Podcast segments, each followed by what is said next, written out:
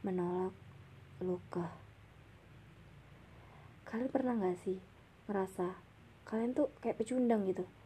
Karena kalian gak berani memulai sesuatu yang baru.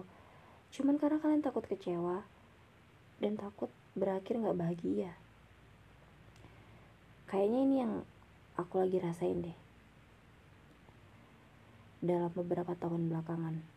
Jadi tuh padahal ya dulu tuh aku orangnya baperan gitu karena aku tuh selalu iri sama teman-teman cewekku.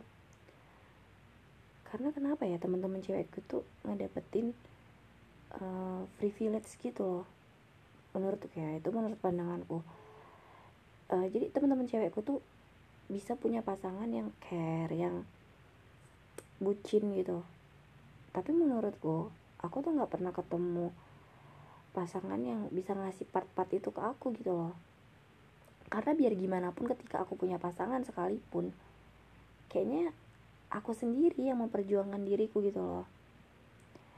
Jadi itu yang kayak ngebuat aku males gitu untuk beradaptasi lagi sama orang baru kenal lagi sama orang baru memulai lagi hubungan baru. Padahal kalau nggak kita mulai pun gimana caranya kita menemukan ya gitu loh. Tapi semua hal-hal itu yang buat aku jadi denial sama diriku sendiri jadi kayak banyak banget penolakan yang ngebuat aku stuck gitu loh stuck aja. Karena nggak berani mencoba. Padahal kalau misalnya dicoba pun ya kalaupun terluka sekalipun ya bangkit lagi. Kalau terjatuh ya berdiri lagi. Harusnya gitu ya. Tapi kayaknya aku masih terlalu takut untuk mulai semua itu gitu loh. Tapi sebelum sebelumnya aku juga pernah deket sama orang. Dan dia tuh teman aku sendiri gitu loh aku nggak ngerti sih dia ngedeketin aku emang sebatas karena kita udah jadi sahabat atau emang dia ngedeketin aku ini emang karena ada sesuatu lain yang ingin dia tahu dari aku gitu. Tapi aku selalu ngerasa aku ini adalah cewek yang aneh gitu loh karena aku tuh orang yang super pengen all out aja gitu dalam segala hal. Kayak di sosial media pun aku sering banget all out. Kadang tuh sampai ada temen cowok yang deket sama aku juga maksudnya sahabat cowok aku yang selalu bilang kayak aku tuh alay karena aku terlalu all out gitu karena aku terlalu mengekspresikan apa yang aku rasain apa yang sedang terjadi sama aku dan selalu mengabadi uh, anaknya momentum banget gitu suka mengabadikan momen saat itu yang terjadi gitu. Tapi itu emang yang aku seneng gitu. Ketika aku mengupload atau mengabadi mengabadikan semua itu aku seneng. Tapi aku juga nggak bisa gini loh nggak bisa. Aku senang belum tentu orang-orang di sekitarku senang sih tapi kalau aku mikiri hal, hal itu juga hal itu terus malah kan yang buat seneng aku ya diriku sendiri ya gitu. Tapi kadang-kadang hal-hal itu juga yang kayak jadi problem gitu loh problem aku yang untuk ngebuat aku jadi insecure gitu untuk mengenal orang lagi gitu. Untuk untuk beradaptasi sama orang lagi karena aku ngerasa kayaknya nggak ada di orang yang bisa nerima keanehanku ini gitu kadang aku suka mikir gitu tapi aku nggak tahu ya mungkin di luar sana itu ada aja sih yang bisa nerima aku tapi aku nggak mau aja gitu untuk memulai sesuatu yang baru itu gitu. Jadi aku stuck aja stuck di sini stuck sama overthinkingku ini loh gitu. Padahal sebelumnya ini aku mau cerita tentang orang yang pernah ngedeketin aku yang menurutku aneh ya gitu. Dan perempuan itu rajanya menerka-nerka tau ratunya lah ya ratunya menerka-nerka gitu. Kalau laki-laki kan enak gitu ya laki-laki tuh kayak nggak usah nanya-nanya udah kayak dia mau ngomong. Kalau kalau laki-laki kan kalau suka tinggal ngomong gitu. Kalau perempuan tuh kan masih ada di tahap gengsi yang kayak ih walaupun suka ya kali ngomong enggak ah gitu gengsi. Kalau laki-laki kan emang udah kodratnya nih ngomong kalau suka ya ngomong ngajak nikah ya laki-laki kan gitu walaupun di zaman yang sekarang ini tuh semua ya udah netral aja gitu. Kalaupun perempuan harus mengungkapkan perasaan duluan juga nggak masalah gitu loh. Tapi kan kita tetap eh, masih banyak lah perempuan yang tetap menjaga gengsinya itu gitu. Kalau aku sih ya di, di tahap yang udah netral aja gitu. Kalau suka yang ngomong kalau nggak suka ya udah gitu. Nah jadi pernah kan aku punya sahabat nih. Aku juga punya sih sahabat sahabat sahabat cowok selain dia ini ya. Cuman perlakuan dia ini ke aku agak beda gitu loh. Yang pertama aku herannya adalah kita kan temen tongkrongan yang temen tongkrongan yang deket ya. Pokoknya temen tongkrongan yang sama satu tongkrongan. Jadi pernah kan waktu itu aku pengen ke tempat tongkrongan yang sama nih sama dia. Sebenarnya sih bisa aja kan naik gojek atau naik angkot tuh bisa loh gitu. Tapi itu tuh malam-malam angkot juga jarang kan pasti gojek. Cuman kadang aku tuh suka mikir kayak menghemat gitu menghemat budget. Ada orang yang bisa ditebengin kenapa harus naik gojek gitu loh. Tapi kesannya jadi kayak si manja gitu loh ya kan. Nah waktu itu aku kan pulang kerja. Nah harus turun di stasiun gitu kan. Aku naik KRL nah temanku ini dia ini kantornya kebetulan nggak terlalu jauh dari stasiun. Kebetulan kita lagi chattingan kan. Aku nanya gitu eh nongkrong gak gitu kan. Terus dia bilang eh iya nongkrong nih gitu. Bareng dong gitu kan. Oh boleh kata dia. Emang di mana? katanya. Ya masih di kereta nih gitu. Ternyata aku tuh nggak ngerti lah ya keretanya tuh lama menurutku. Padahal kayak ada aja gitu part-part kereta ini lama. Tapi temen temenku ini mau bareng gitu kan. Akhirnya dia nungguin eh ternyata handphoneku lobet. Eh, handphone dia juga katanya udah lobet nih. Lah gimana ceritanya? Kalau telepati bisa udah telepati nih gitu kan. Nah udah tuh udah nyampe lah. Aku di stasiun itu tapi posisi handphone mati posisi handphone dia juga mati. Nah ternyata teman aku ini masih nungguin aku di stasiun itu. Terus aku ketemu tuh akhirnya sama dia. Udahlah tuh berangkat ke tempat tongkrongan. Eh pas di perjalanan tuh kan. Ya dia ngomong kayak terus aku ngomong gitu kan. Tentang kok dia mau sih gitu nungguin dengan sampai kita tuh handphone kita udah sama-sama mati sampai bisa ketemu. Eh dia tetap nungguin di stasiun gitu nungguin aku. Terus dia bilang e, semua orang kalau kau suruh kayak gini pun pasti maunya mel katanya gitu. Tapi kan gak juga ya menurutku nggak semua orang lah mau nungguin. Emang kita siapa? Emang emang aku siapa sampai ini orang mau effort kayak gitu. Tapi ya mungkin itu tuh kata-kata yang keluar dari mulutnya ya mungkin tuh kejujuran buat dia. Tapi aku masih bertanda tanya sih soal itu. Sampai nih entah mengapa nih waktu itu kayaknya aku sempat dijemput dia juga. Waktu itu aku habis kondangan tempat saudara aku. Aku dijemput dia nih. Dijemput di eh barengan lagi nih sama dia nih Cuman cuaca pada hari itu tidak tidak sedang baik-baik saja kan. Hujan lah. Cuman aku udah ketemu sama dia. Eh, kita mau ke tempat tongkrongan yang sama lagi nih, barengan lagi nih. Mau lagi dia nih ngejemput gitu loh. Mau lagi nih orang ngejemput gitu kan. Oke lah waktu itu. Set. Dijemput gitu kan. Akhirnya kita barengan tuh, barengan ke tempat tongkrong. Eh, dikit lagi nyampe tempat tongkrongan nih dikit lagi. Hujan deras banget coy. Akhirnya kita neduh neduh gitu di warung. Terus dia bilang udah sana naik angkot aja. Karena kan uh, tempat tongkrongan sama tempat kita berteduh tuh nggak jauh biar dia balik gitu kan. Terus aku bilang ah nggak berani naik angkot aku takut diculik. Ih sok cantik banget nih sok putri princess princess gitu kan oh nggak mau nggak mau. Nah si akunya ini nggak mau.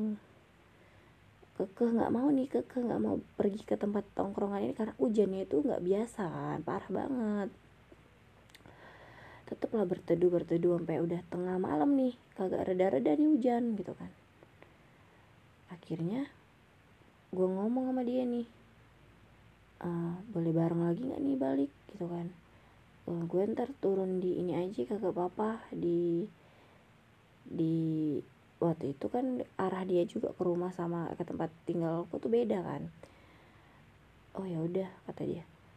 Terus aku bilang aku turunnya nggak usah di rumah karena kan beda arah nanti dia bolak balik lagi. Terus dia bilang ya udah sih sekalian aja. Ya udah nggak apa-apa diantar gitu. Oke gitu kan. Ya mungkin itu nggak enak lah cewek nih cewek udah tengah malam masa ya gue turunin di tengah jalan gitu.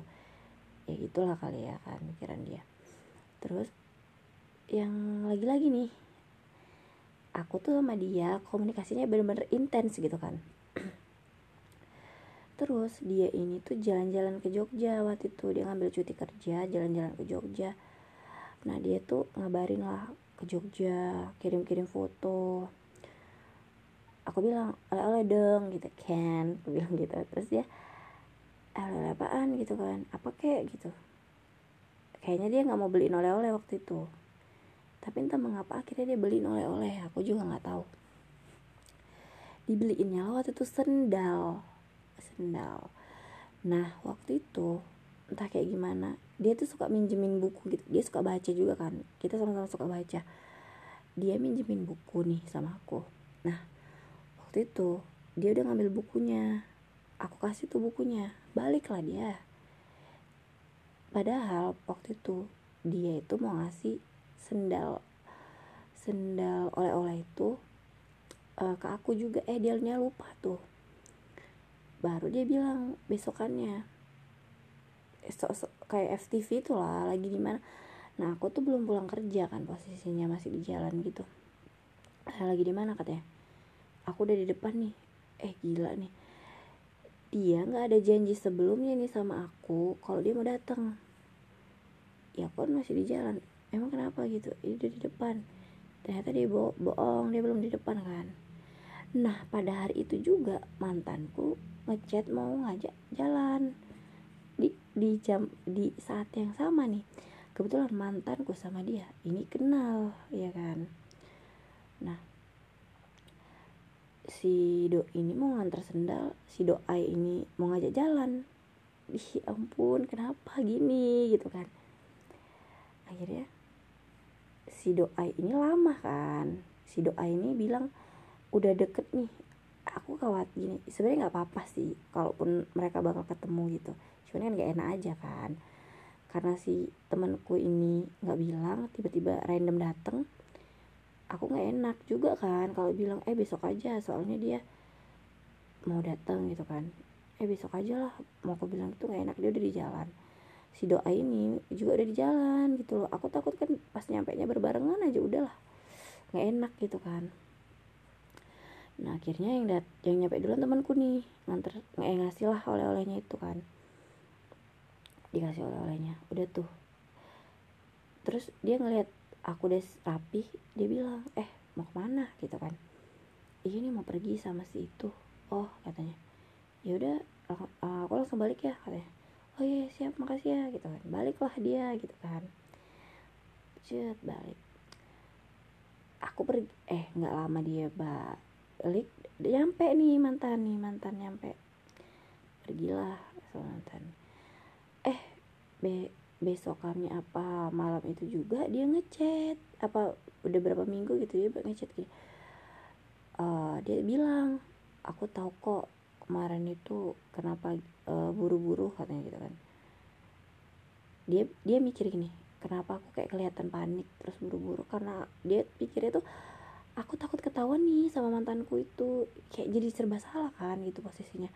Kalau emang dia cuma nganggap aku temen ya pada saat itu temen dan jujur sahabat. Dia nggak akan mempertanyakan hal itu lagi kan pastinya uh, atas apa yang terjadi pada malam itu gitu. Tapi dia nanyain lagi jadi itu yang buat aku menerka-nerka sebenarnya. Yang orang ngedeketinnya itu ngedeketin yang gimana sih model kayak gimana sih itu sih yang buat aku sampai sekarang nggak mengerti gitu loh. Dan yang terakhir nih adalah waktu itu dia mau ngajakin aku ke rumahnya untuk buka bareng gitu sama ibunya. Kalau emang cuman temenan ya santai gitu kan. Ya setiap teman pasti ngenalin kita ke keluarganya gak sih? Kayak sahabat gitu. Cuman kan dia mau kayak momen-momen spesial aja gitu mau dikenalin sama ibunya. Mau dikenalin sama ibunya udah sering udah sering banget kayak pengen ngajak ke rumahnya dikenalin ke ibunya. Tapi ada aja momen-momen gagal itu gitu loh kayak nggak jadi nggak jadi nggak jadi nggak jadi ya emang nggak aja kali ya gitu. Tapi sampai pada akhirnya nggak jelas aja gitu. Padahal kerendeman kerendeman dan apa ya cara-cara dia ke aku itu ya beda aja menurutku dari perlakuan sahabat-sahabat cowok yang lain gitu loh. Tapi ya udahlah ya itu mungkin sebuah perjalanan buat aku juga gitu. Dan pada akhirnya dia ngabarin kalau dia udah apa udah punya pacar nemuin pacarnya lah gitu. Dan pacarnya udah dikenalin ke orang tuanya dan dia pengen serius nih sama ceweknya ini. Uh, waktu itu dia akhir tahun 2020 pengen mau nikah nih gitu kan dia cerita. Tapi nggak tahu ya kenapa belum mungkin karena pandemi juga gitu kali ya. Tapi yang pasti ya udahlah ya ini untukku tuh sebuah kisah aja dan pelajaran gitu. Dan buat bro yang ada di cerita ini. Makasih banget ya udah baik banget sama aku.